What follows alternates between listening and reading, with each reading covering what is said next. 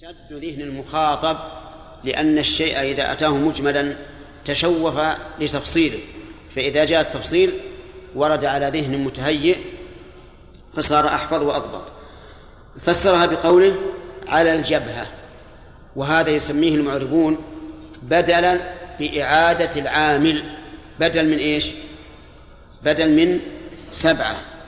بدل بعض من كل وإن شئت فقل عطف بيان.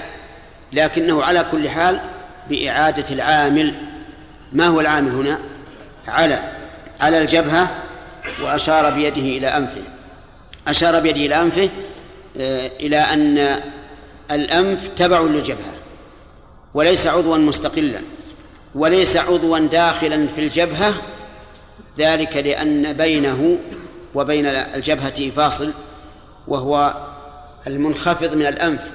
فإن المنخفض من الأنف لا يسجد فلما كان هذا آه، يسمى باسم آخر غير الجبهة أشار إليه. ولما كان تابعا لها آه، نعم أشار إليه أيضا. قال وأشار بيده إلى أنفه واليدين والمراد بهما الكفان لأن اليد إذا أطلقت فالمراد بها الكف. في كل مواضع إذا أطلقت اليد فهي الكف. الدليل على هذا قوله تعالى والسارق والسارقة فاقطعوا أيديهما أي أكفهما. ولما أراد سبحانه وتعالى ما زاد على ذلك قال اغسلوا وجوهكم وأيديكم إلى المرافق.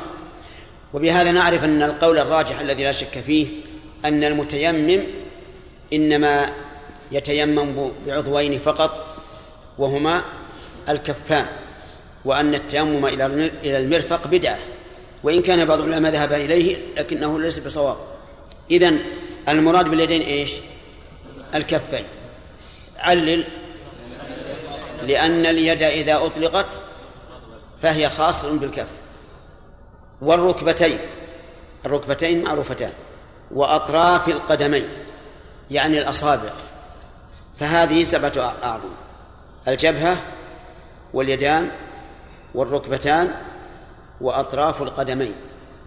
هذه سبعة أعظم. أمر النبي صلى الله عليه وعلى آله وسلم أن يسجد أن يسجد عليها. ولكن كيف السجود؟ السجود أن يبدأ بركبتيه ثم كفيه ثم جبهته وأنفه. لو قال قائل النبي عليه الصلاة والسلام بدأ بالجبهة فليقدم الجبهة أولا عند السجود لأن الرسول صلى الله عليه وسلم ذكرها هي الأولى. قلنا هذا قول لا قائل به. والنبي عليه الصلاة والسلام إنما بدأ بالأعلى فالأعلى. بالأعلى فالأعلى. فالجبهة فوق الكفين. والكفان فوق امشي. الركبتين. والركبتان فوق أطراف القدمين. إذن الرسول عليه الصلاة والسلام بدأ بالأعلى. لا لا بما يسجد عليه أولا. فالسجود أول على الركبتين ثم على الكفين ثم على الجبهة والأنف. هذا هو الترتيب التنازلي الطبيعي.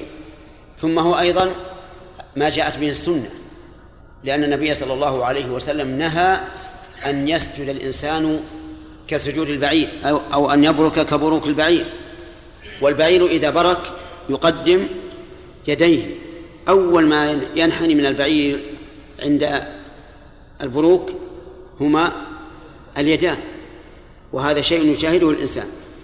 زعم بعض الناس أن آه، ركبتي البعير بيديه فنقول نعم نحن نقول إنها بيديه. لكن هل قال الرسول عليه الصلاة والسلام إذا سجد أحدكم فلا يبرك على ما يبرك عليه البعير؟ الجواب لا وإنما نهى عن الكيفية لا عن العضو الذي يسجد عليه فقال لا يبرك كما يبرك. فالتشبيه هنا واقع على الكيفية وليس على العضو الذي يسجد عليه. ونحن نقول آه، نوافق على أن الركبتين في البعير بيديه لكن الرسول عليه الصلاة والسلام لم يقل فلا يبرك على ما يبرك عليه البعير. وحينئذ يتبين أن القول الراجح وهو أن يبدأ بركبتيه قبل يديه له دليل من السنة واضح. فإن قال قائل في آخر الحديث وليضع يديه قبل ركبتيه. قلنا هذا يناقض أول الحديث فهو منقلب على الراوي وصوابه وليضع ركبتيه قبل يديه. لكن الراوي توهم فانقلب عليه. هكذا أعل ابن القيم هذه الجملة في الحديث وهو تعليل واضح. لأننا لو قلنا وليبدأ بيديه قبل ركبتيه لكان آخر الحديث الذي جاء كالمثال مطابقا مخالفا لأوله الذي جاء كالقاعدة. في هذا الحديث فوائد.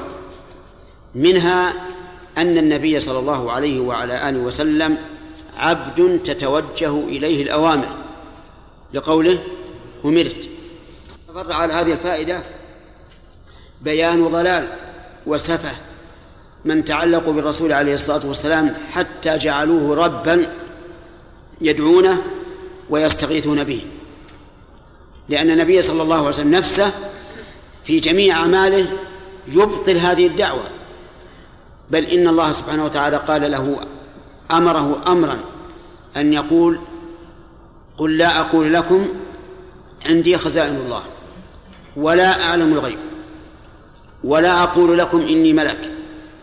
إن أتبع إلا ما يوحى إلي وجملة إن أتبع إلى ما إلا ما يوحى إلي كأنه يقول إن أنا إلا عبد أومر فأتبع. ولست إلى ولست ممن ممن عنده خزائن الغيب. نعم خزائن الله ولا عنده علم الغيب.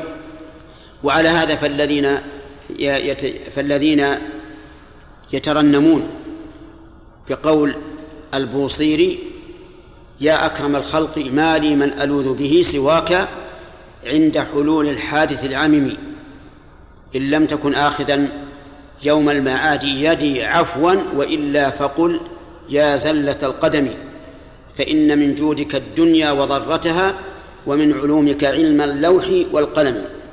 الذين يترنمون بذلك يترنمون بما يغضب الله ورسوله بل بما هو شرك وهم لا يعلمون.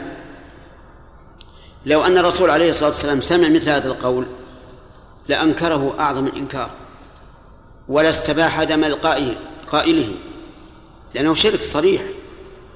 قال بعض أهل العلم إذا كان من جود الرسول عليه الصلاة والسلام الدنيا و وضرتها. وضرتها هي الآخرة فما الذي بقي لله؟ ماذا تقولون؟ ما بقي شيء لأنه ما فيه إلا دنيا وأخرى. فإذا كانت الدنيا والآخرة من جود الرسول عليه الصلاة والسلام ما بقي لله شيء. وإذا كان من علومه الكثيرة العظيمة علم اللوح والقلم. وعلم اللوح والقلم لا لا لا, لا ي... نعم لا يعلمه إلا الله عز وجل.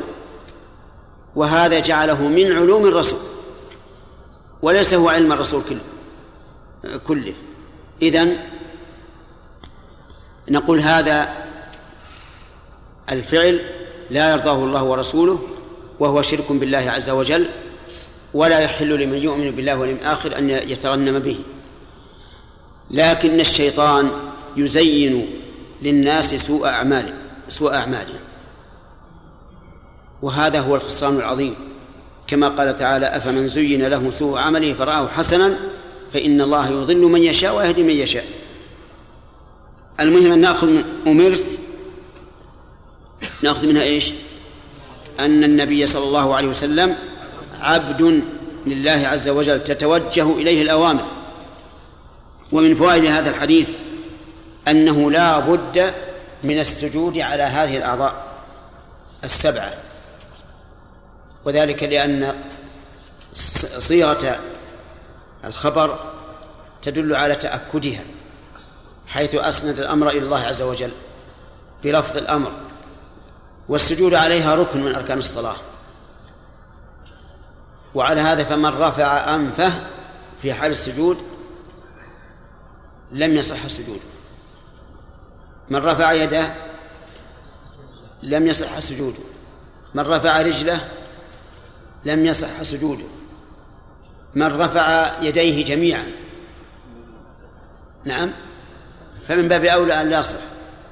ولكن هل المراد أن يبقى ساجدا على هذه الأعضاء أو الأعظم السبعة من أول السجود إلى آخره؟ بمعنى أنه لو رفع أحد هذه الأعضاء ولو لحظة بطل سجوده أو يقال يكتفى بالأكثر فيه احتمال. يحتمل أن يقال يكتفى بالأكثر وأن الإنسان لو قدر أنه أصابه حكة فرفع يديه يده يحك جسده لم يبطل سجوده لأنه رفع يسير والعبرة بالكل. ولكن لا نقول وإن كان هذا له وجه لكن الاحتياط أن لا يرفع شيئا من هذه الأعضاء ما دام ساجدا. ومن فوائد هذا الحديث العمل بالإشارة. العمل بالإشارة لقوله وأشار إلى أنفه. والعمل بالإشارة عند العجز عن النطق لا شك أنه معتبر لأنه لا لا سبيل إلى الإفهام إلا بذلك. فالأخرس مثلا تعتبر إشارة أو لا؟ تعتبر. لأنه لا يستطيع النطق. ومن لا يستطيع النطق لعلة غير الخرس تعتبر إشارته أيضا. ولهذا لما قتل اليهودي جارية لبعض الأنصار على أوضاح لها يعني عليها حلي فقتلها وأخذ حليها. رض رأسها بين حجرين فأدركت الجارية قبل أن تموت. وسئلت من الذي قتلك؟ فلان فلان فلان. فسمي اليهودي الذي قتلها فأشارت برأسها. أن نعم هو الذي قتلني. فأخذ اليهودي وأقر واعترف وقتل. فاعتبرت إشارتها. لماذا؟ لأنها عاجزة عن الكلام. إذن الأخرس الذي لا يتكلم بأصل الخلقة إشارته معتبرة. ثانيا من أصابه علة لا يستطيع معها الكلام فإشارته إيش؟ معتبرة. الإشارة لحاجة. كما لو أراد الإنسان أن يكلم صاحبا له بحضرة أناس ويحب أن لا يطلع عليه الناس فأشار إليه. يعني مثلا قال هكذا. هكذا يعني؟ ها؟ إلا قال هكذا. يعني انصرف. يعني انصرف. هو يستطيع أن يقول انصرف لكنه لا يحب أن أن يسمع القوم فأشار إليه. تعتبر أو لا؟ هذا أيضا تعتبر لأنه لحاجة. الرابع إذا كانت الإشارة لغير حاجة مع إمكان النطق وعدم الحاجة إليه فهل تعتبر؟ الجواب نعم تعتبر الإشارة لكن بشرط أن تكون مفهومة. بشرط أن تكون مفهومة. ويدل لهذا قول الرسول عليه إشارة النبي صلى الله عليه وسلم إلى أنفه حينما قال على سبعة أعظم. لأنه قادر أن يقول الجبهة والأنف لكنه أشار إلى الأنف. إذن القاعدة كل إشارة مفهومة ممن يستطيع الكلام ومن لا يستطيع الكلام إيش؟ معتبر لو قال لزوجته أنت طالق أنا الآن أشير بأصابع الثلاث. كم تطلق؟ تطلق ثلاثا. لأن هذه إشارة إشارة مفهومة. آه، طيب ولو قال يخاطب زوجاته الأربع أنتن طوالق وأشار. تعتبر مع أن هذا لا حاجة للإشارة لكن ربما يشير للتوكيد. فالحاصل أن كل إشارة مفهومة فهي معتبرة سواء كانت ممن يستطيع النطق ومن لا يستطيع. آه، إن النبي صلى الله عليه وسلم صلى بأصحابه ذات يوم جالسا وهم ووقفوا فأشار إليهم. أن يجلسوا. النطق هنا ممتنع. شرعا أو حسا؟ شرعا. طيب. ومن فوائد هذا الحديث أن الإنسان إذا سجد على اليدين ولو مقلوبتين فإن السجود السجود مجزئ لعموم قوله واليدين لكنه لا شك أنه خلاف السنة. ومن فوائده أيضا أن الإنسان لو سجد على جنب الرجل لا على أطرافها أنه لا يجزئ لأن النبي صلى الله عليه وسلم قال وأطراف القدمين ولم يقل والقدمين لو قال والقدمين قلنا إذا مست القدمان الأرض فالسجود مجزئ. لكن النبي صلى الله عليه وسلم خص السجود بأطراف القدمين لأن القدمين سوف تكونان منصوبتين. وإذا كانتا منصوبتين فلا فلا سبيل إلى السجود إلا على أطرافهما. في هذا الحديث لم يذكر السجود على الحائل. وإنما ذكر إنما ذكر الأعضاء فقط. فهل إذا سجد على حائل يجزئه السجود؟ إلى حائل يحول بينه وبين مصلاه. نقول في هذا تفصيل. على النحو التالي. إذا كان الحائل من أعضاء السجود فإنه لا يجزي كيف ذلك؟ بأن يضع الإنسان جبهته على كفيه يسجد على الأرض ثم يضع جبهته على كفيه فهنا لا يجزي السجود لأن حقيقة الأمر أنه سجد على الأعضاء ما عدا الذي وضعه على العضو وكذلك أيضا لو أركب إحدى الرجلين على الأخرى لم يجزي لماذا؟ لأن الحائل من أعضاء السجود. وكذلك لو وضع كفيه على أطراف ركبتيه في السجود فإنه لا يجزئ لأن الحائل من أعضاء السجود. هذه واحد. الثانيا أن يكون الحائل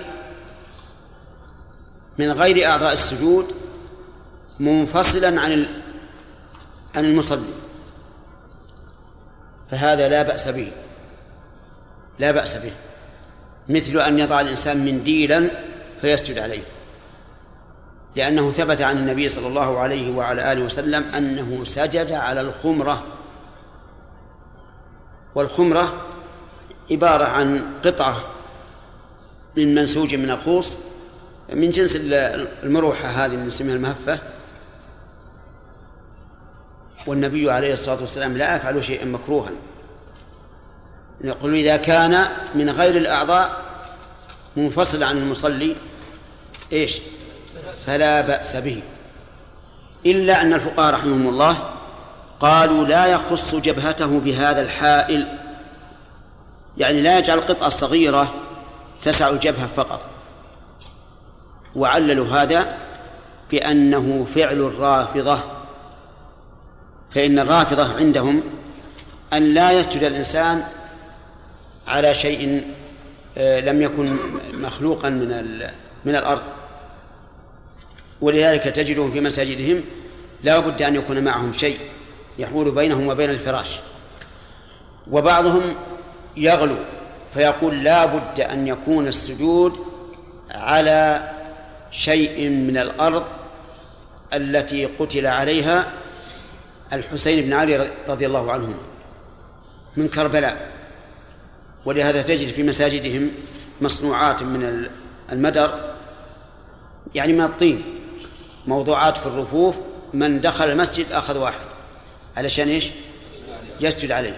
قال العلماء رحمهم الله الحائل الذي يحول بين المصلي وبين الأرض إذا كان خاصا بالجبهة فإنه مكروه اتقاء لمشابهة من؟ الرافضة. طيب آه القسم الثالث أن يكون الحائل متصلا بالإنسان من غير أعضاء السجود. يعني أن يسجد مثلا على طرف الغترة على طرف العمامة على طرف المشلح وهو لابسه فهذا مكروه. لا ينبغي فعله إلا لحاجة. لقول أنس بن مالك رضي الله عنه كنا نصلي مع النبي صلى الله عليه وسلم في شدة الحر فإذا لم يستطع أحدنا أن نمكن جبهته من الأرض بسط ثوبه فسجد عليه. والشاهد قوله إذا لم يستطيع أن يمكن جبهته من الأرض. يعني لشدة الحرارة بسط ثوبه وسجد عليه. فهذه أقسام ثلاثة قسم ممنوع ولا يصح معه السجود وقسم مكروه وقسم جائز. قلها لنا ما هو؟ القسم المكروه ما هو؟ إيش؟ لا أعطنا قاعدة. المشلح والغتر هذه مثال؟ نعم. أن يسجد على شيء متصل به. مثل؟ طيب. هذا وش حكم هذا؟ وإذا احتاج إليه؟ إذا احتاج إليه أجب. يجوز ولا ما يجوز؟ يجوز. الدليل؟ لا. غلط. حديث أنس؟ قال كنا نصلي. أدرجت أشياء ما أدري وش كنا في شدة الحر نعم. وكان أحدنا إذا لم يستطع أن يمكن جبهته من الأرض بسط ثوبه. طيب تمام. الثالث الثاني ما هو الثالث. قسم. ما هو؟ أن يسجد على شيء منفصل عنه مثل كالمنديل مثلا. والسجادة الآن أن يسجد عليها استثنى العلماء من هذا مسألة.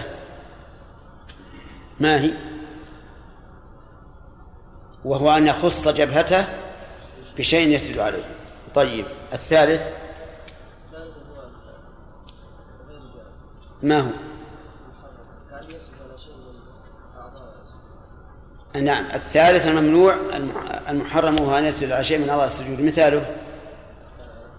أحسنت. بارك الله انتهى الوقت. نعم. إي نعم. يكفي. يعني أحيانا بعض الناس يكون مثل إبهامه طويلا ما يمكن يسجد على الكل إلا بكلام. نقول الذي يقدر عليه يكفي. نعم. هذا يصدق عليه يصدق عليه إنه طرف لا. المرأة إذا كانت قد غطت وجهها بالخمار فإذا أردت السجود فإنها تكشطه. يعني ترفعه. لا لا لا لا, لا تجعل الخمار على وجهها. أي نعم نعم. هل هذا سجود؟ إذا سجد على شيء مرتفع نظرنا. إن كان إلى القعود أقرب منه إلى السجود فهذا ليس بسجود. وإن كان إلى السجود أقرب فهو سجود. أحيانا تكون الأرض مثلا آه، آه، بعضها رفيع جدا نقول هذا في التفصيل. إذا كان إلى الجلوس أقرب فلا سجود وإذا كان للسجود أقرب فهو صحيح. أحيانا نرى بعض العامة إذا سجدوا ارتفعت قدماهم عن الأرض أثناء السجود فإذا قضى صلاته فهل إيه. إعادة الصلاة؟ أي نعم يعني يقول بعض الناس نشاهد أنه قد رفع رجليه عند السجود فهل نأمره بالإعادة؟ نقول نعم نأمر بالإعادة لأن السجود على الأعضاء السبع ركن كله كل الصلاة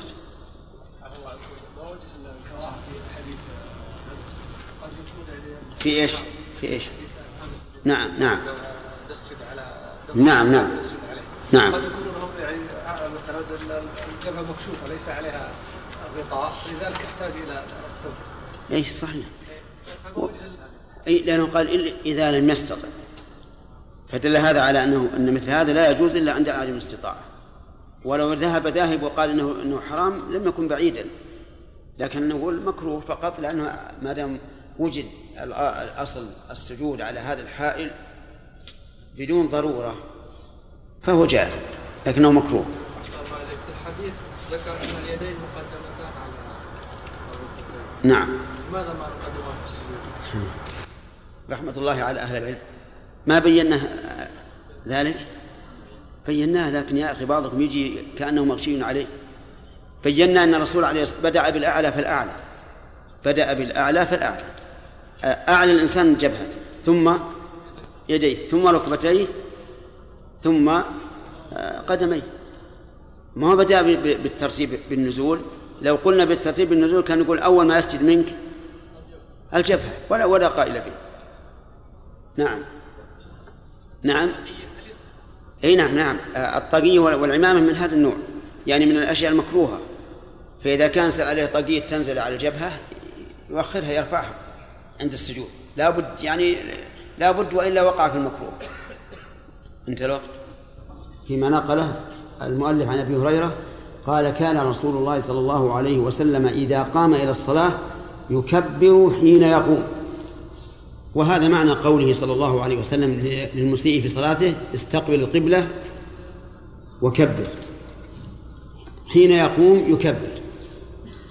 و فيقول الله أكبر. وهذه التكبيرة هي تكبيرة الإحرام التي لا يمكن أن يدخل الصلاة إلا بها. وثانيا يقول ثم يكبر حين يركع. حين يركع أي حين يشرع في الركوع. ولا يصح أن نقول حين يصل إلى الركوع. لأنه إذا وصل إلى الركوع فإنه يتلقى ذكرا آخر. وهو إيش؟ التسبيح. فيتعين أن يحمل قوله حين يركع أي حين يشرع في الركوع. ثم يقول سمع الله لمن حمده حين يرفع صلبه من الركوع. يقول سمع الله لمن حمده وسمع هنا بمعنى استجاب. وليس بمعنى سمع الصوت بل بمعنى استجاب. لأن الفائدة من سماع الله عز وجل للدعاء هو الاستجابة. ومن فوائد نعم سبحان الله انتقلت. حين صلبه من الركوع ثم يقول وهو قائم ربنا ولك الحمد.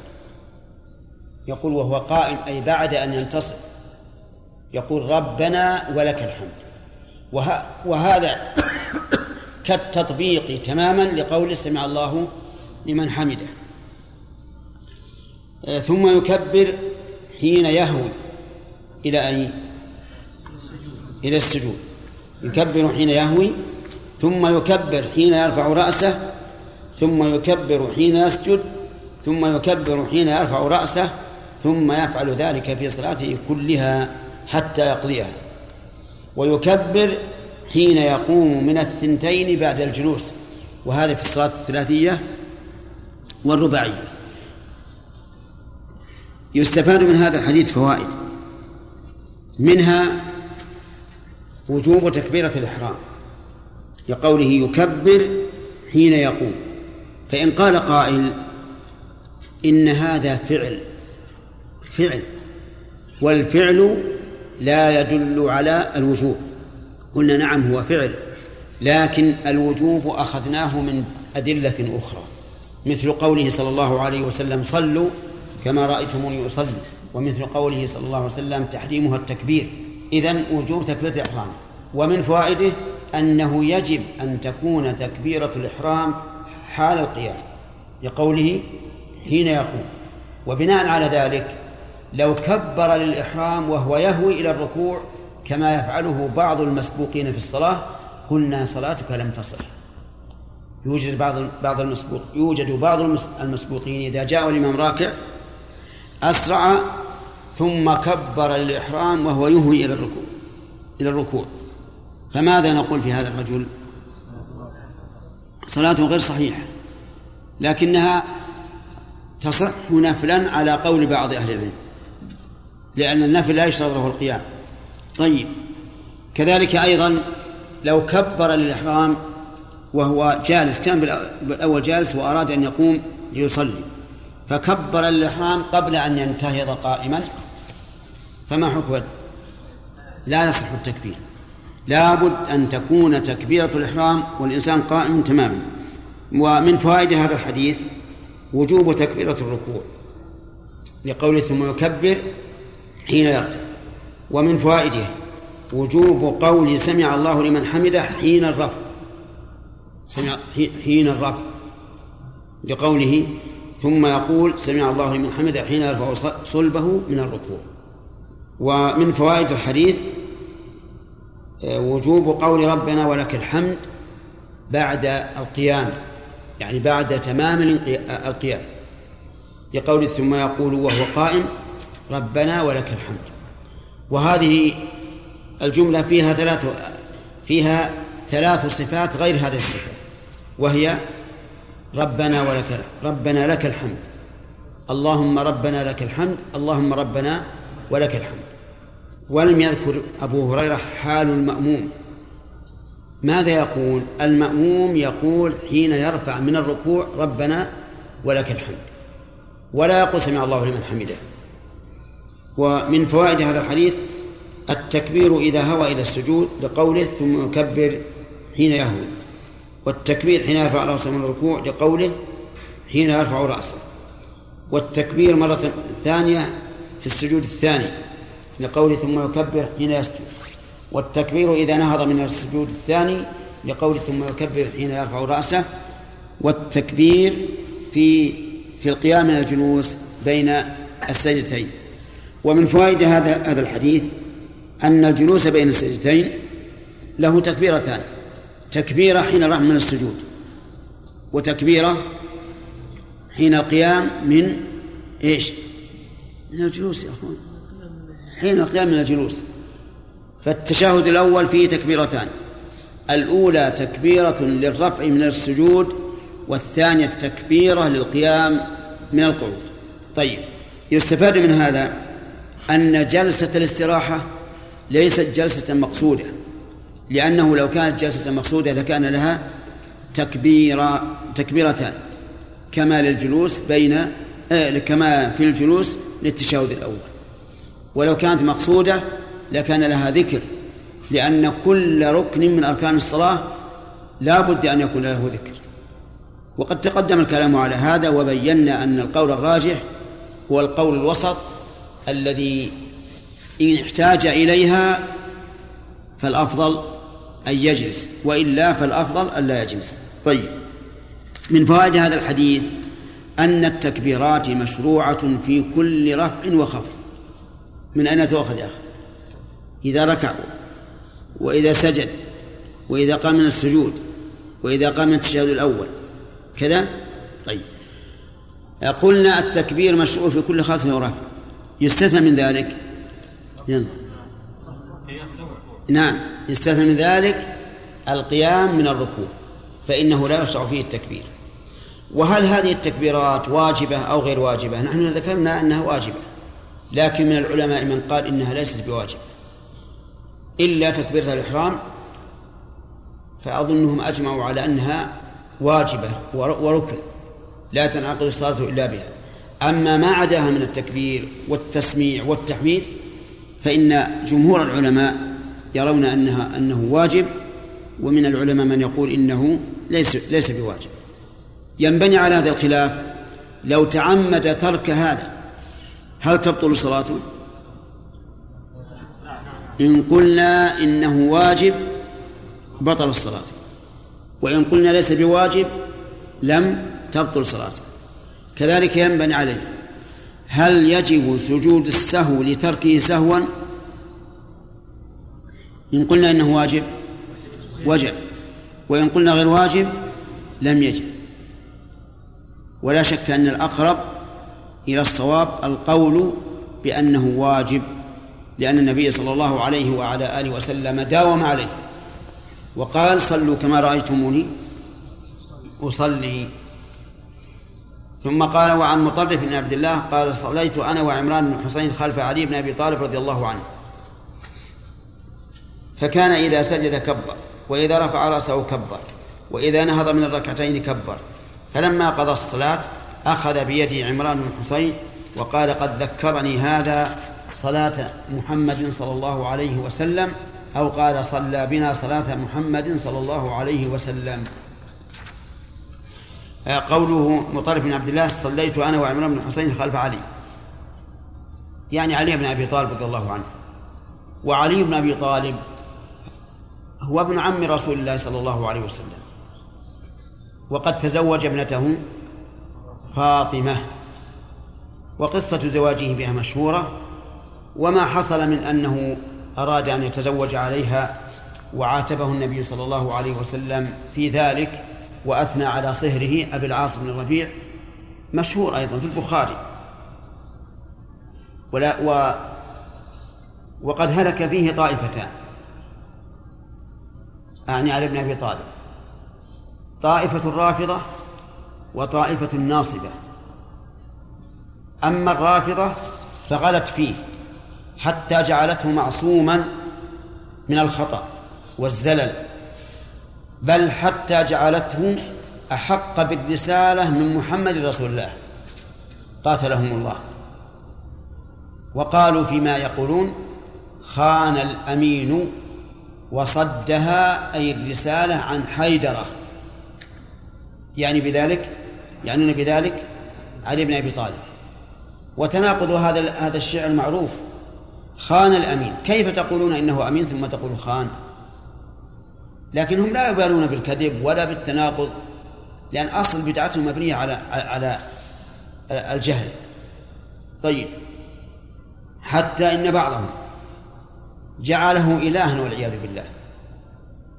فإن عبد الله بن سبأ اليهودي الذي أظهر الإسلام ليفسد الإسلام كما أظهر بولس دين النصارى ليفسد دين النصارى كما قال ذلك الشيخ الإسلام ابن تيمية. عبد الله بن سبأ هذا هو إمام الرافضة وهو يهودي. قابل علي بن أبي طالب وقال له أنت الله أعوذ بالله. صراحة. فغضب علي بن أبي طالب وحق له أن يغضب وأمر بالأخاديد بالحفر فحفرت ثم أتى بهم وأحرقهم بالنار. إحراقا تنكيلا بهم لأنهم قالوا قولة لا يقولها أحد. هذا هؤلاء الرافضة غلوا فيه. أما الناصبة فإنهم يلعنونه ويسبونه ويرون أنه معتد ظالم وأنه خارج على الإمام. إلى غير ذلك من من ألقاب السوء وكلا الطائفتين ضالة مبتدعة وهدى الله أهل الحق إلى الحق فقالوا علي بن أبي طالب أحد الخلفاء الراشدين وهو أقرب إلى الحق من خصمه معاوية رضي الله عنه وهو ممن عصمه الله تبارك وتعالى من دعوى الربوبية أو الرسالة. وله علينا حقان حق القرابة من الرسول عليه الصلاة والسلام وحق الإسلام وكونه خليفة للمسلمين في عهد الخلفاء الراشدين. ولكن ذلك لا يعني أن نفضله على عثمان وعمر وأبي بكر. بل نقول إن أبا بكر وعمر وعثمان أفضل منه لكنه يفوقهم بكونه أقرب إلى رسول الله صلى الله عليه وعلى آله وسلم. ويذكر أن رافضيا وسنيا تخاصم في عثمان وعلي في أبي بكر وعلي في أبي بكر وعلي. فقال السني من الأفضل؟ أبو بكر أفضل. وقال الرافضي علي أفضل. فاحتكما إلى ابن الجوزي رحمه الله. وقال نرضاه حكما. فذهب إليه وقال له أيما أفضل أبو بكر أو علي بن أبي طالب؟ فقال أفضلهما من كانت ابنته تحته. هم قال أيهما أفضل وأولى بالرسول؟ قال أفضلهما من كانت ابنته تحته. لمن حكم؟ نعم. ما إلى الآن ما, ما حكم بينهم لكنه تخلص منهم منهما. أفضلهما من كانت ابنته تحته. إن كان الضمير في ابنته يعود على الرسول فعلي أفضل وإن كانت تعود إلى الأفضل فأبو بكر أفضل أفضل لأن ابنة أبي بكر تحت النبي صلى الله عليه وسلم. على كل حال نحن نولي علي بن أبي طالب رضي الله عنه من المحبة ما هو أهل لها لكننا لا نغلو فيه ولا نفضله على من سبقه. والعجب أن علي بن أبي طالب نفسه رضي الله عنه وهو من أعدل الحكم الحكماء يقول على منبر الكوفة صراحة خير هذه الأمة بعد نبيها أبو بكر ثم عمر. هو نفسه يقول هذا. والرافضة الذين يدعون أنهم أولياؤه يقولون كذب. يقولون مو بلسان المقال لكن بلسان الحال. يقولون إن أبا بكر إن عليا أفضل من أبي بكر وعمر. فعلى كل حال علي بن أبي طالب هلك فيه طائفتان. هما الرافضة والناصبة. فالرافضة غلت فيه والناصبة قدحت فيه وكلاهما على ضلال. نبرأ إلى الله من طريقهما. يقول فكان إذا سجد كبر وإذا رفع رأسه يعني من السجود كبر وإذا نهض من ركعتين عن التشهد الأول كبر فلما قضى الصلاة أخذ بيد عمران بن الحسين فقال قد ذكرني هذا بصلاة النبي صلى الله عليه وسلم إلى آخره. في هذا الحديث فوائد. منها أن الخلفاء فيما سبق كانوا أئمة الناس في الدين وفي الولاية. كيف الدين؟ الصلوات الخمس والحج هم هم هم أئمة الناس. فهم فهم أئمة في الدين والولاية. ومنها أن الناس من عهد علي بن أبي طالب رضي الله عنه أضاعوا شيئا من الصلاة. لقوله ذكرني هذا صلاة محمد صلى الله عليه وسلم. فقول ذكرني كأنه يقول إننا نسينا الصلاة التي على عهد النبي صلى الله عليه وسلم فإما أن يكون لا فإما أن يكونوا لا يكبرون وإما أن يكونوا يكبرون سرا. وعلي رضي الله عنه يكبر جهرا. ومن فوائد هذا الحديث فضيلة علي بن أبي طالب رضي الله عنه. وذلك بتطبيقه إيش؟ تطبيقه السنة. ولا شك أن تطبيق السنة من مناقب الإنسان وفضائله. ومن فوائد الحديث مشروعية الجهر جهر الإمام بالتكبير. مشروعية جهر الإمام بالتكبير. وهل هو واجب أو سنة؟ قيل إنه سنة. وقيل إنه واجب. والصحيح أنه واجب. أن جهر الإمام بالتكبير واجب. وكذلك بالتسميع. ويدل لذلك أنه لا يمكن اقتداء المأمومين بإمامهم إلا إيش؟ إلا بالجهر. وما لا يتم الواجب إلا به فهو واجب. فإن قال قائل الواجب هنا متعلق بصلاة المأموم. ولا يجب على الإنسان شيء يتعلق ولا يجب على الإنسان شيء يتعلق بعبادة غيره. انتبهوا لهذا الإرادة القوي. يعني لو قال قائل هذا يتعلق بصلاة المأموم. ولا يجب على الإنسان شيء يتعلق بعبادة غيره فالجواب أن صلاة المأموم مرتبطة تماما بصلاة الإمام. فكان كمال صلاة المأموم من كمال صلاة الإمام والعكس. طيب و ومن فوائد هذا الحديث الأخذ بيد الإنسان من أجل أن ينتبه. من أين يؤخذ؟ أخذ بيد عمران بن حسين. ولا شك أن أخذ الإنسان بيد الإنسان يؤدي إلى تنبهه. لا سيما إذا كان كلما قال جملة عصر يده. ينتبه ولا ما ينتبه؟ ينتبه أكثر. ولذلك لما علم النبي صلى الله عليه وسلم عبد الله بن مسعود التشهد ماذا صنع؟ جعل كف ابن مسعود بين كفيه. جعل كف ابن مسعود رضي الله عنه بين كفيه. من أجل أن ينتبه ويعتني. نعم. ومن فوائد هذا الحديث أن الإنسان قد ينسى الشيء إذا لم يقم بالعمل به. لقول عمران إيش؟ ذكرني. ومن فوائد هذا الحديث أن العمل بالعلم من أسباب رسوخه وبقائه.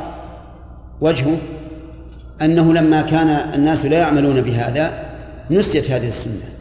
ولا شك أن العمل بالعلم من أسباب رسوخ العلم وبقاء العلم. انتبه.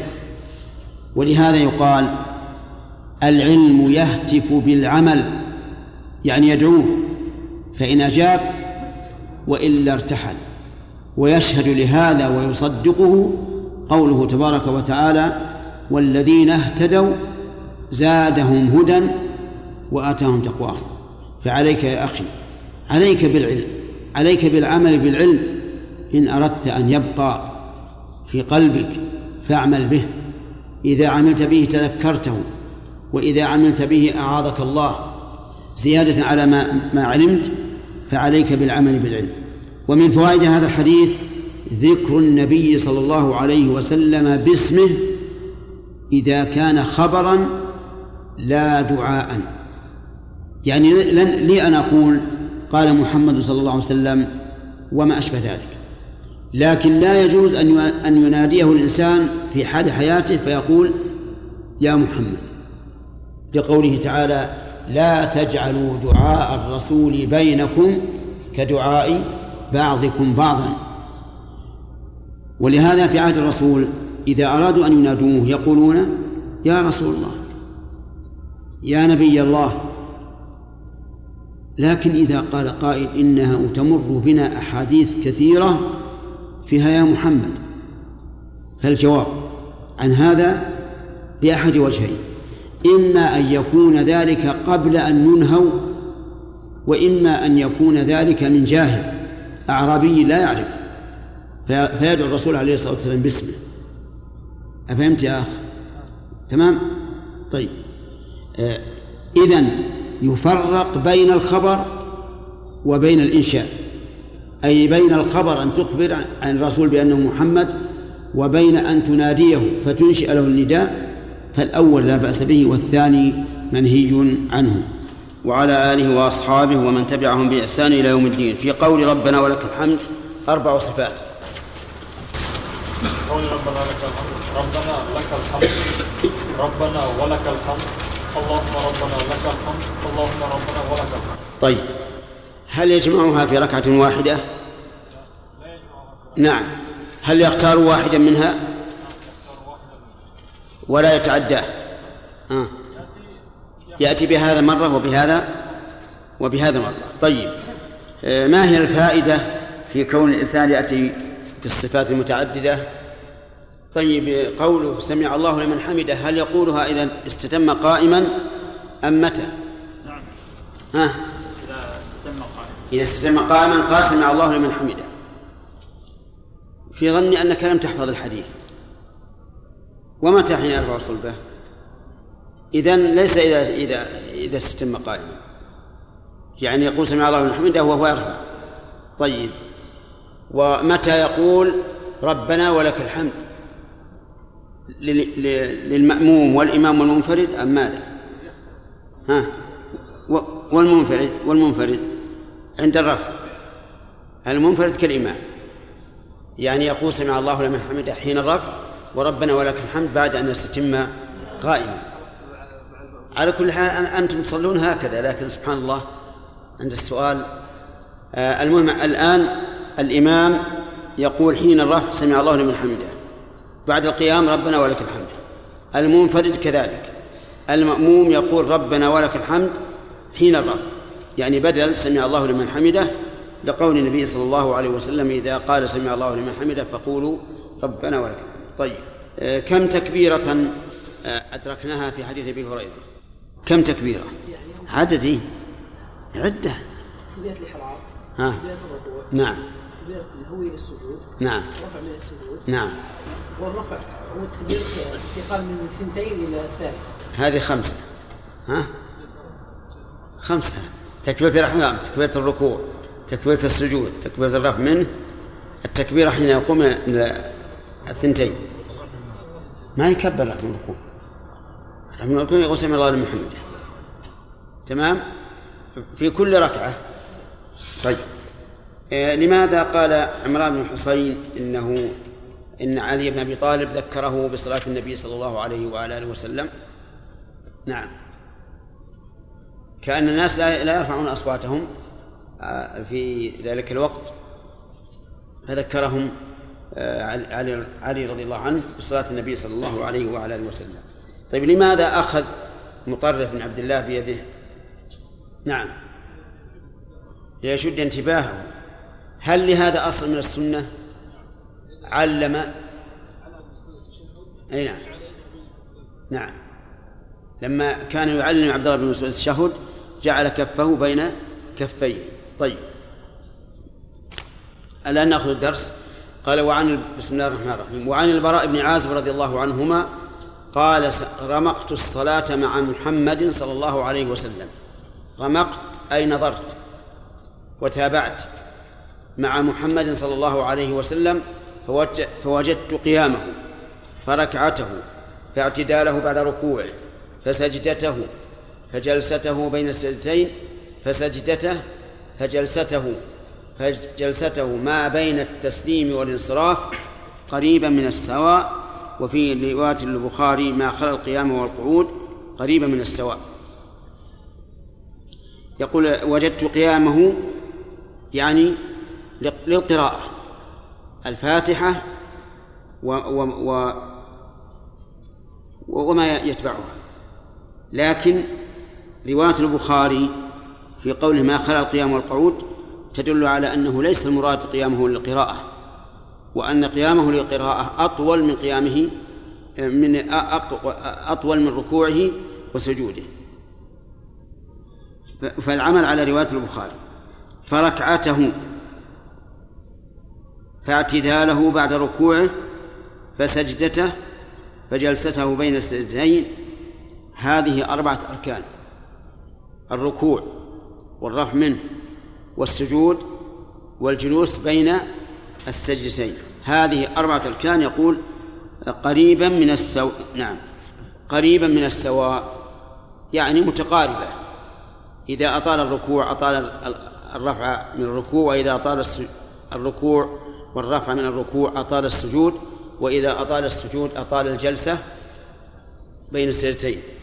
وقوله فجلسته ما فجلسته ما بين التسليم والانصراف قريبة من من السواء. التسليم يعني الانتهاء من الصلاة والانصراف انصراف انصراف إما لبيته أو لغير ذلك من الانصرافات قريبا من السواء يعني متساوية. وقول ما خلا القيام والقعود يريد بالقيام القيام للقراءة والقعود القعود للتشهد فإنه أطول من ركوعه وسجوده وقيامه بعد الركوع وقيامه بعد السجود.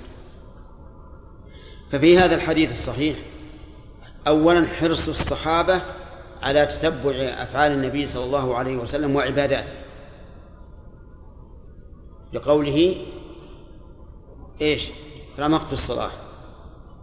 ثانيا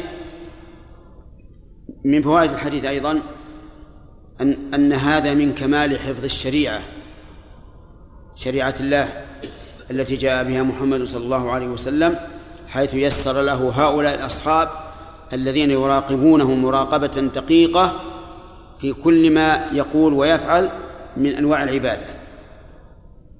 ومن فوائد هذا الحديث أن هذه الأركان الأربعة الركوع والقيام بعده والسجود والجلوس بين السجدتين كلها تكون قريبا من السواء. ومن فوائد هذا هذا الحديث بيان خطأ أولئك القوم الذين يخففون القيام بعد الركوع والجلوس بين السجدتين. ولعلكم تشاهدون ذلك فيهم. تجده يركع ثم يرفع ثم ينزل بسرعة. يعني لا ليس بينه وليس بين قيامه بعد الركوع وركوعه ليس بينهما تقارب فضلا عن التساوي. وهذا من الخطأ. بل إذا أطلت الركوع فأطل القيام بعده. وإذا أطلت الركوع والقيام بعده فأطل السجود. وإذا أطلت السجود فأطل الجلسة بين السجدتين. ومن فوائد هذا الحديث أن القيام بعد الركوع في صلاة الكسوف يكون طويلا لأن من عادة النبي صلى الله عليه وسلم أن يجعل الصلاة متقاربة. وقول من قال من العلماء إنه إذا رفع رأسه من الركوع في صلاة الكسوف فإنه يخفف لا دليل عليه بل الدليل على خلافه وهو أن القيام بعد الركوع قريب من من الركوع. ومن فوائد هذا الحديث آه، أن مشروعية الجلسة بين التسليم والانصراف. وهذا فيما إذا كان هناك فيما إذا كان هناك نساء. يحتاج إلى إطالة الجلوس حتى يخرج النساء. أما إذا لم يكن هناك نساء فإن من عادة النبي صلى الله عليه وعلى آله وسلم أنه إذا سلم استغفر ثلاثا وقال اللهم أنت السلام ومنك السلام تبارك يا ذا الجلال والإكرام ثم ينصرف. ومن فوائد الحديث على رواية البخاري أن القيام قبل الركوع والتشهد لا لا يكون مثل الركوع والسجود ولا قريبا منه. ومن ثم اختلف العلماء رحمهم الله هل الأفضل إطالة القيام والقراءة أو إطالة أو إطالة الركوع والسجود؟ ثم هل الأفضل كثرة الركوع والسجود أو إطالة الركوع والسجود؟ والصحيح في هذا كله أن الإنسان ينظر إلى ما هو أصلح لقلبه وأخشع. قد يكون أحيانا يتلذذ بالقراءة ويستحضرها ويود أن أن يقرأ طويلا. فهنا نقول زد من القراءة. ما دمت ترى أنك تزداد خشوعا وحضور قلب فزد. وأحيانا يرى أن إطالة الركوع وتعظيم الرب عز وجل في هذا الركن أخشع لقلبه وأتقى لربه فنقول زد. لكنك إذا طولت في الركوع فطول في إيش؟ في السجود في الرفع منه وفي السجود أيضا. فعلى كل حال القول الراجح في هذه المسألة أننا لا نفضل شيئا على شيء على وجه الإطلاق. بل نقول ينظر الإنسان نعم بل نقول الإنسان طبيب نفسه. فلينظر ما هو أزكى وأتقى وأخشع فليلزمه وعن ثابت وعن ثابت البناني عن أنس بن مالك رضي الله عنه قال إني لا آل أن أصلي بكم كما كان رسول الله صلى الله عليه وسلم يصلي بنا. لا آل يعني لا أقصر بل أبذل الجهد في أن أصلي بكم كما كان رسول الله صلى الله عليه وسلم يصلي بنا. لأن انسا كان إمامه. والإمام يجب عليه أن يتبع من السنة ما ما يعلم ولا يبالي بالناس أن يقول طولت أو أو قصرت. قال ثابت فكان أنس يصنع شيئا لا أراكم تصنعونه. كان إذا رفع رأسه من الركوع انتصب قائما حتى يقول القائل قد نسي وإذا رفع رأسه من السجدة مكث حتى يقول القائل قد نسي. يعني أنه يطيل القيام بعد الركوع ويطيل القعود بعد السجود. كل معنى لا آل الأخ. إيش معنى لا آل؟ لا أقصر. طيب. آه ففي هذا الحديث حرص الصحابة رضي الله عنهم على اتباع سنة النبي صلى الله عليه وعلى آله وسلم. لقوله لا آل أن أصلي بكم. ومن فوائده أن الإمام يجب عليه أن يحرص على اتباع صفة النبي صلى الله عليه وعلى آله وسلم. قلت يجب عليه لأنه إمام مسؤول له الولاية على هؤلاء القوم الذين يصلي بهم. لو كان الإنسان يصلي وحده لقلنا خفف أو أو أو ثقل على ما تريد. لكن إذا كان إماما فيجب عليه أن يصلي بالناس كما كان النبي صلى الله عليه وعلى آله وسلم يصلي به. ومن فوائده أنه يجب على الإمام وغير الإمام أيضا أن يتعلم كيف كان النبي صلى الله عليه وسلم يصلي وأن لا ينظر إلى حال الناس. الناس قد يغيرون بزيادة أو نقص أو إخلال أو إتمام لكن المدار على إيش؟ على سنة النبي صلى الله عليه وسلم.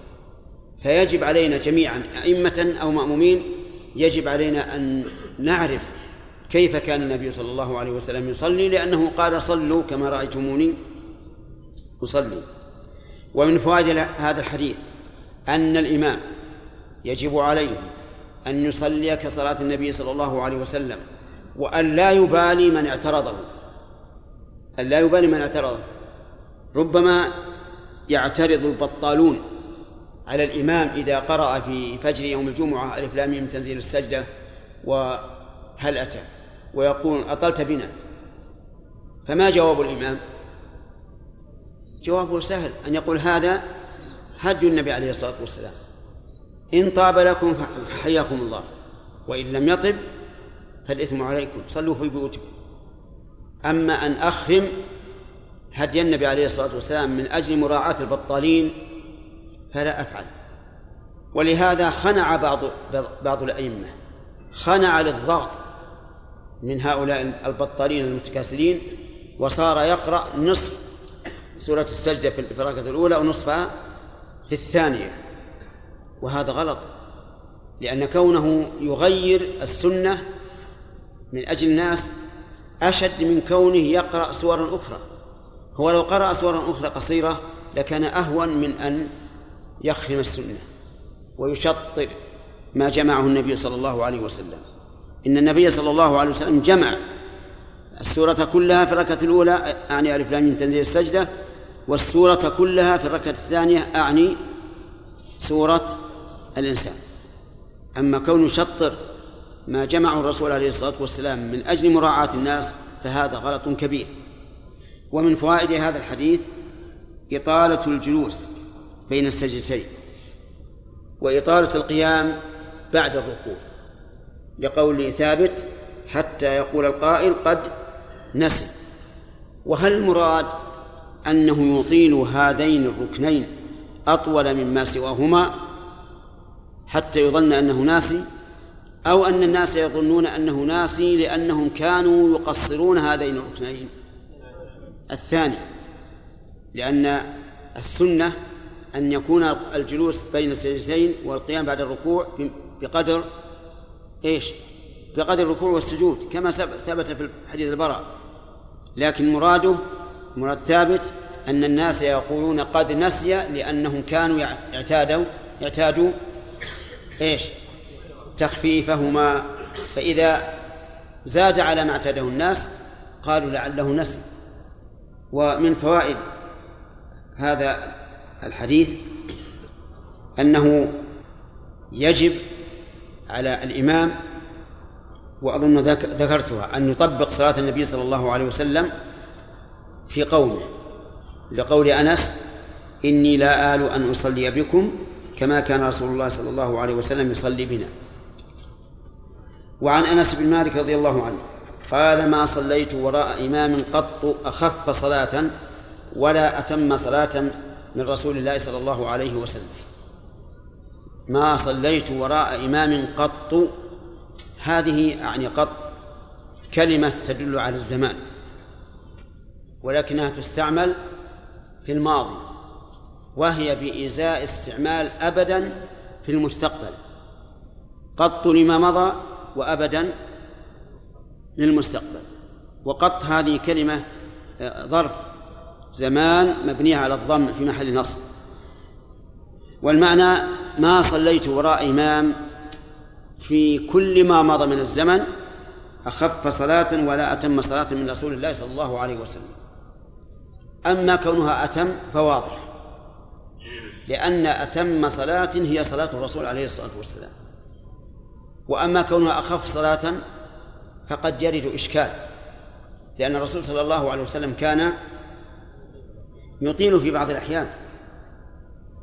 قرأ مرة في سورة الأعراف في صلاة العشاء لكن هذا نادر والغالب أنه لا يطيل لا يطيل هذه الإطالة. فيقال إن إن أنس رضي الله عنه أراد أن يبين أن صلاة النبي صلى الله عليه وسلم وإن كان فيها شيء من الطول فإنها خفيفة لأن الطول والقصر أمر نسبي فقد يكون الطويل قصيرا باعتبار ما هو أطول منه وقد يكون القصير طويلا باعتبار ما هو أقصر منه. ففي هذا الحديث فوائد وهي منها أن النبي صلى الله عليه وسلم كان يخفف في الصلاة. وأن صلاته وإن كان فيها شيء من الطول أحيانا تعد تخفيفا لقوله أخف صلاة. ومن فوائدها أنه آه، تمام صلاة النبي صلى الله عليه وسلم وأن الذي يقتدي به في ذلك يكون هو أتم الناس صلاة. ومن فوائدها فوائد الحديث أن من تبع السنة في الإطالة لا يعد مطيلا على الناس. وبهذا نقيد حديث الحديث الذي سيمر علينا إن شاء الله. أيكم أما الناس فليخفف. نقيد هذا التخفيف بإيش؟ بما وافق صلاة رسول الله صلى الله عليه وعلى آله وسلم. ثم قال وعن أبي قل... وعن أبي قلابة عبد الله بن زيد الجرمي البصري قال جاءنا مالك بن حويرث في مسجدنا هذا ويشير إلى مسجد في حيهم فقال إني لا أصلي بكم وما أريد الصلاة. أصلي كيف رأيت رسول الله صلى الله عليه وسلم يصلي؟ فقلت لأبي قلابة كيف كان يصلي؟ قال مثل صلاة شيخنا هذا. وكان أي الشيخ يجلس إذا رفع رأسه من السجود قبل أن ينهض. قال المؤلف أراد بشيخهم أبا إيش؟ أبا بريد. أبا عمر بن سلمة الجرمي ويقال أبو يزيد. آه، في هذا الحديث يقول جاءنا مالك بن حويرث ومالك بن حويرث رضي الله عنه صحابي جليل. كان ممن ممن وفد إلى النبي صلى الله عليه وسلم عام الوفود وعام الوفود هو السنة التاسعة من الهجرة. وإنما سمي بذلك أي سمي عام الوفود لكثرة الوافدين فيه إلى رسول الله صلى الله عليه وسلم. وإنما كثر الوافدون لأن الناس بدأوا يدخلون في دين الله أفواجا. لما رأوا النبي صلى الله عليه وسلم انتصر في مكة وفتحها وانتصر في الطائف وكسر أهل الطائف عرفوا أن الإسلام قائم وأنه منصور فصاروا يفدون بكثرة إلى النبي صلى الله عليه وعلى آله وسلم في السنة التاسعة. وكان مالك بن حويرث منهم وهو الذي روى عن النبي صلى الله عليه وسلم أنه وفد مع قومه وكانوا نحو عشرين رجلا. وكلهم شباب فبقوا عشرين ليلة مع النبي صلى الله عليه وسلم يرقبون صلاته وسائر أفعاله. وكان النبي صلى الله عليه وسلم كما ذكره مالك كان رحيما رفيقا صلوات الله وسلامه عليه. يقول فلما رأى أنا رأى أن اشتقنا أهلنا قال ارجعوا إلى أهليكم فأقيموا فيهم ومروهم فأمرهم بالرجوع إلى أهليهم والإقامة في أهليهم. وفي هذا أصل كبير وهو أنه ينبغي للإنسان أن لا يفارق أهله إلا لحاجة لا بد منها. وأن كون الإنسان ليس له هم إلا السفر يمينا وشمالا خلاف السنة. حتى إن النبي صلى الله عليه وسلم أمر الرجل إذا قضى شغله في سفره أن يعجل إلى أهله لأن إقامة الإنسان في أهله لا شك أن فيها قرة العين والتأديب والتوجيه والإصلاح. المهم أن مالك رضي الله عنه كان من الوافدين في عام الوفود. وفي ومن فوائده نعم قال نعم ما أخذنا الشرح. في مسجدنا هذا في مسجدنا هذا. يشير إلى مسجد في حيه وإنما أشار إليه لبيان ضبطه للرواية والواقعة. فإن الإنسان إذا أشار إلى المكان أو إلى الزمان صار هذا دليلا على أنه ضبط القضية. فقال إني لأصلي بكم وما أريد الصلاة. أصلي بكم وما أريد الصلاة. كيف يستقيم هذا؟ لأن المعروف أن كل من فعل فعلا وهو عاقل مختار فإنه مريد له. فكيف نجمع بين بين قوله أصلي وما أريد؟ نقول ما أريد الصلاة يعني لا أريد أن أتطوع بصلاة. وإلا فمن المعلوم أنه إنما جاء إنما صلى بهم يريد الصلاة. لكن لا يريد أن يتطوع بصلاة وإنما يريد أن يعلمهم. ثم قال أصلي كيف رأيت النبي صلى الله عليه وسلم يصلي. أي مبينا الكيفية. فقلت لأبي قلابة كيف كان يصلي؟ يقولها الراوي عن أبي قلابة قال مثل صلاة شيخنا هذا. ولم يصف صلاته بالقول بل أشار إلى الفعل. وذلك لأن انطباع الفعل في الذهن أقوى من انطباعه بالقول. لأن الإنسان يشاهد الشيء فيرتسم في في في ذهنه صورة صورة هذا الشيء وإدراكها تماما. وكان أي شيخهم يجلس نعم قال مثل صلاة شيخنا هذا أيضا أشار إليه ليكون ذلك دليلا على ضبط القضية. وكان يجلس إذا رفع رأسه من السجود قبل أن ينهض إلى أي شيء ينهض؟ إلى الركعة الثانية أو الركعة الرابعة. وليس مراد الجلوس بين السجدتين قطعا.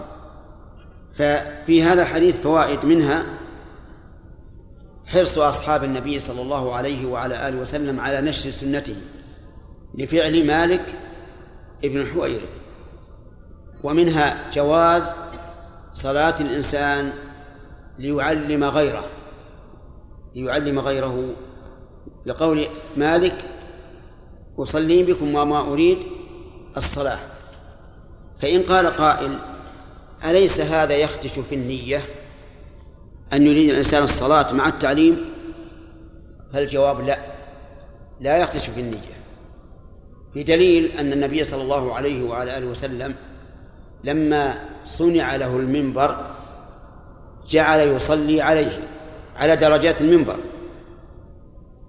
فيقوم ويركع وإذا أراد السجود نزل وسجد على الأرض. وقال إنما فعلت هذا لتأتموا بي ولتعلموا صلاتي فيكون في هذا جامعا بين العبادة والتعليم أفهمتم الآن؟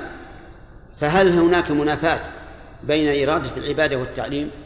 لا لا منافاة المنافاة أن يصلي الإنسان ليراه الناس ويمدحوه ويقولون ما أعبده ما أطوعه لله هذا هو الذي يخدش النية ويفسد العبادة.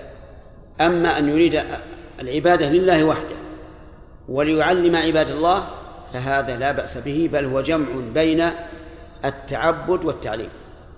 نظير هذا أن أن عثمان بن عفان رضي الله عنه مرة دعا بماء ثم توضأ وضوء رسول الله صلى الله عليه وسلم ليريه الناس. وقال إن إني رأيت النبي صلى الله عليه وسلم توضأ نحو وضوء هذا ثم قال من توضأ نحو وضوء هذا ثم صلى ركعتين لا يحدث فيهما نفسه غفر الله له ما تقدم من ذنبه.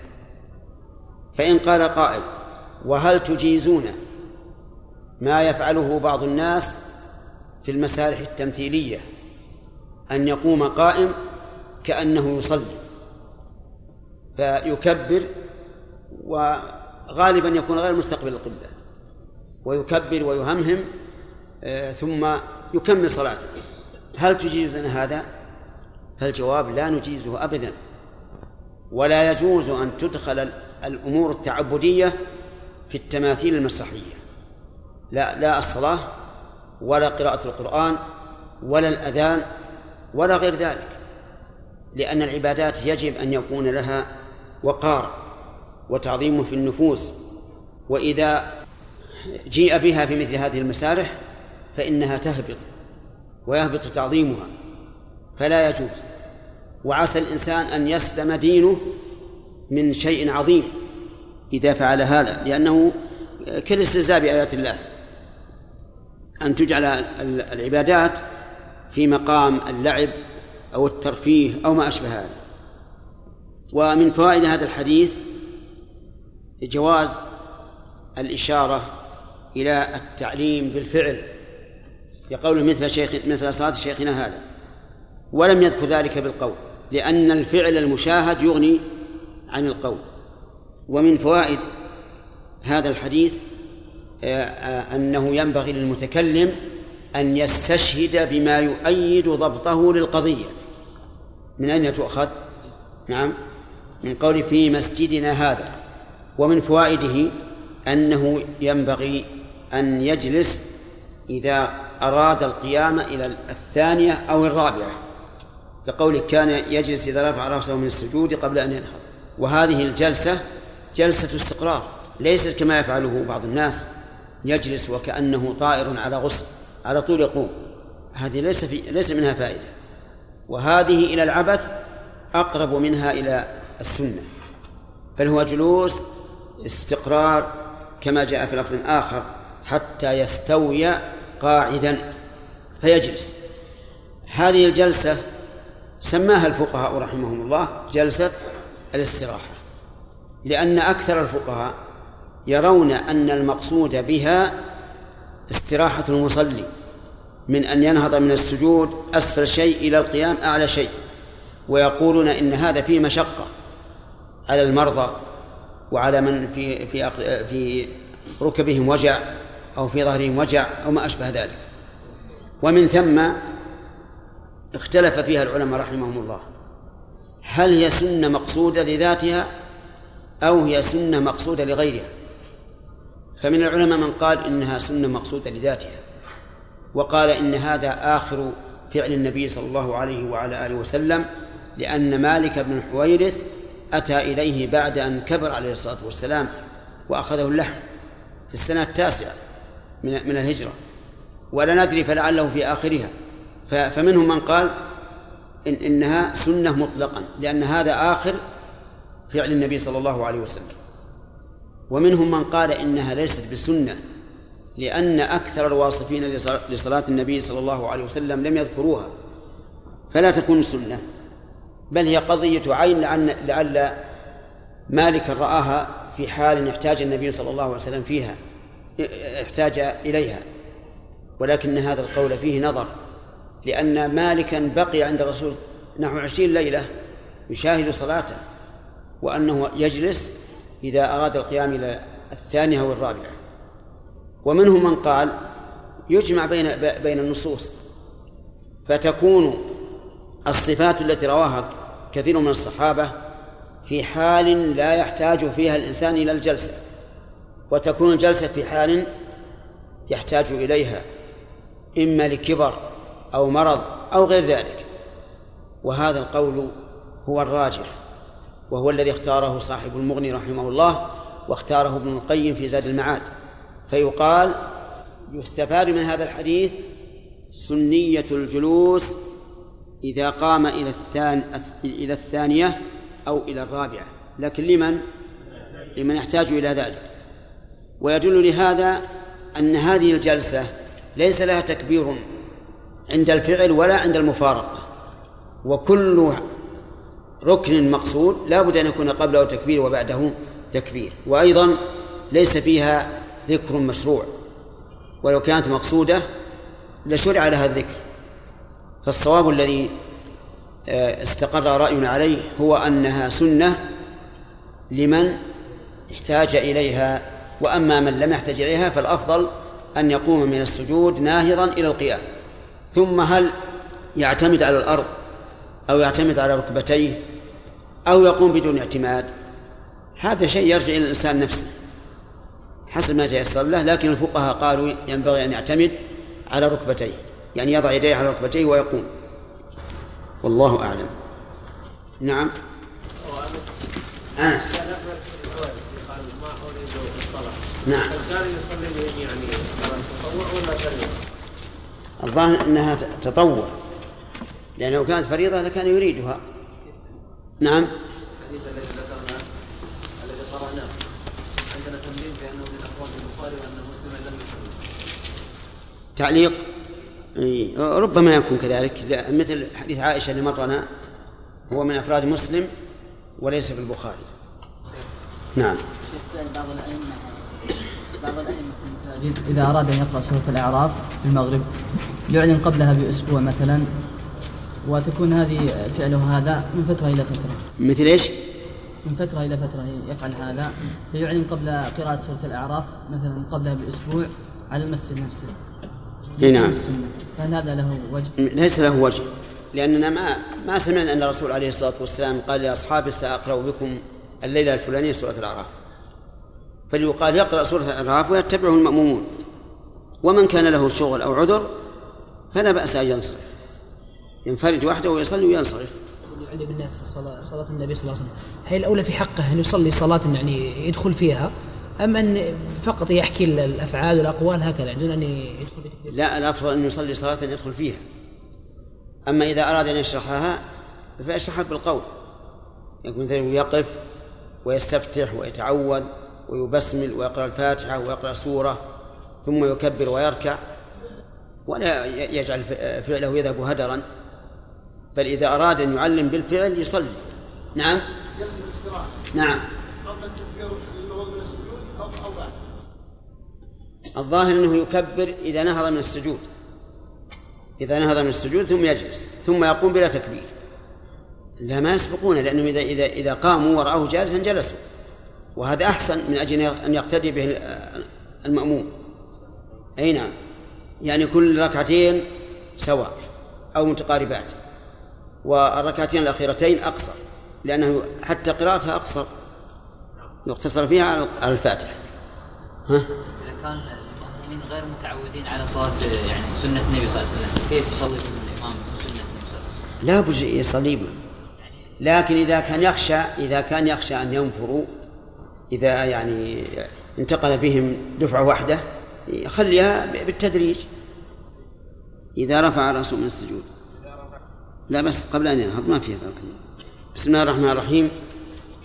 قال المؤلف رحمه الله فيما نقله عن عبد الله بن عن عبد الله بن مالك بن بحينة رضي الله عنه أن النبي صلى الله عليه وسلم كان إذا صلى فرج بين يديه حتى يبدو بياض إبطيه قوله عن عبد الله بن مالك بن بحينة. قد يتراءى الإنسان أن بحينة جده وليس كذلك بل بحينة أمه. ولهذا يختلف التعبير بهذا عن التعبير ببقية الأسماء. فأنت مثلا إذا نسبت الإنسان إلى أبيه ثم جده يختلف عما إذا نسبته إلى أبيه ثم أمه. يختلف من وجوه ثلاثة. أولا أن اسم الأب في في مثل عبد الله بن بحينة عبد الله بن مالك بن بحينة يجب أن يكون منونا تقول عن عبد الله بن مالك ابن بحينة. هذه واحد. لكن في لو, كان مثلا عن عبد الله بن مالك ابن فلان يعني جده لكان اسم الأب الأول غير غير منون الثاني أن ابن الثانية تكون تبعا للاسم الأول في الإعراب. لا لا للاسم الثاني. تكون تبعا للاسم الأول في الإعراب لا للاسم الثاني ثالثا أن الهمزة في في ابن تكتب عند اسم الأم في في مثل عبد الله بن مالك بن محيرة ولا تكتب عند اسم الجد في مثل عبد الله بن عمر بن الخطاب فهمت الفروق الآن؟ واضح ولا نوضح؟ ها؟ طيب هنا أقرأ. وعن عبد الله بن مالك ابن بحينة. عبد الله بن عمر بن الخطاب. نقول وعن آه، عبد الله عبد الله ابن عمر ابن الخط ابن الخطاب. فنجعل ابن الثاني في الإعراب تبعا للاسم. الثاني لا للاسم الأول. فإذا كان الاسم الأول مرفوعا والثاني مجرورا صار ابن مجرورا ابن الثاني ولا يكون مرفوعا. وفي عبد الله بن مالك بن حينة يكون حسب الاسم الأول. إن كان مرفوعا فمرفوع وإن كان منصوبا فمنصوب وإن كان مجرورا فمجرور. طيب مثال آخر من عندنا تقول علي ابن خالد ابن بكر. تقول هذا علي علي بن علي بن خالد. ابن بكر ولا ابن بكر؟ ابن بكر. يتبع إيش في الإعراب؟ الاسم الثاني المجرور. وتقول رأيت علي ابن خالد ابن بكر أو ابن بكر. ابن بكر ما تجده بالنصب لأن الاسم الثاني الاسم الثالث يتبع الاسم الثاني الاسم الثاني. عبد الله بن مالك بن بحينة تقول قال عبد الله ابن مالك ابن بحينة أو ابن بحينة؟ ها؟ بالرفع الثاني. ابن بحينة. لأن ابن الثاني يتبع الاسم الأول. وابن الثاني في غاية في, في من نسب إلى أبيه ثم جده يتبع الاسم الثاني. الفرق الثالث سهل وهو أنك تجعل همزة الوصل في ابن آه نعم في ابن الثانية. وأما في في في من نسب إلى أبيه ثم ثم جده فإنك لا تجعل لا لا تكتب همزة الوصل بالألف. يعني لا لا تضع الهمزة. واضح الآن ولا غير واضح؟ ثلاثة فروق طيب. وعن عبد الله بن مالك بن بحينة رضي الله عنه أن النبي صلى الله عليه وسلم كان إذا صلى فرج بين يديه. إذا صلى. والمراد إذا سجد. فعبر بالكل عن البعض. لأننا نعلم أن الرسول عليه الصلاة والسلام في حال القيام لا يفرج بين يديه. ما يقول هذا؟ سجد. فيكون إذا صلى أي إذا سجد في الصلاة. فرج بين يديه أي جعل بينه وبين جنبه فرجة حتى يبدو أي حتى يظهر يظهر بياض إبطيه الإبطان لهما بياض. نعم لأن الجزء الذي يخرج إلى الشمس والهواء من البدن يكون مسودا والجزء المستور باللباس يكون أبيض. وهذا مشاهد كل يعرفه منه. فكان النبي عليه الصلاة والسلام إذا سجد يفرج بين بين يديه حتى يبدو بياض إبطيه لأنه كان يلبس غالبا الرداء. والرداء ليس له أكمام تستر الأبط إذا فرج إنسان بين يديه وعليه الرداء فسوف يظهر إبطه. آه، يستفاد من هذا الحديث أن السنة في السجود أن يفرج الإنسان بين يديه إذا سجد حتى يبدو بياض إبطيه. دليله هذا الحديث. ويستفاد منه أيضا جواز النظر إلى الإمام الذي يتعلم منه الإنسان كيفية الصلاة. لأن عبد الله بن بحينة لا بد أن يكون نظر إلى الرسول عليه الصلاة والسلام حين السجود.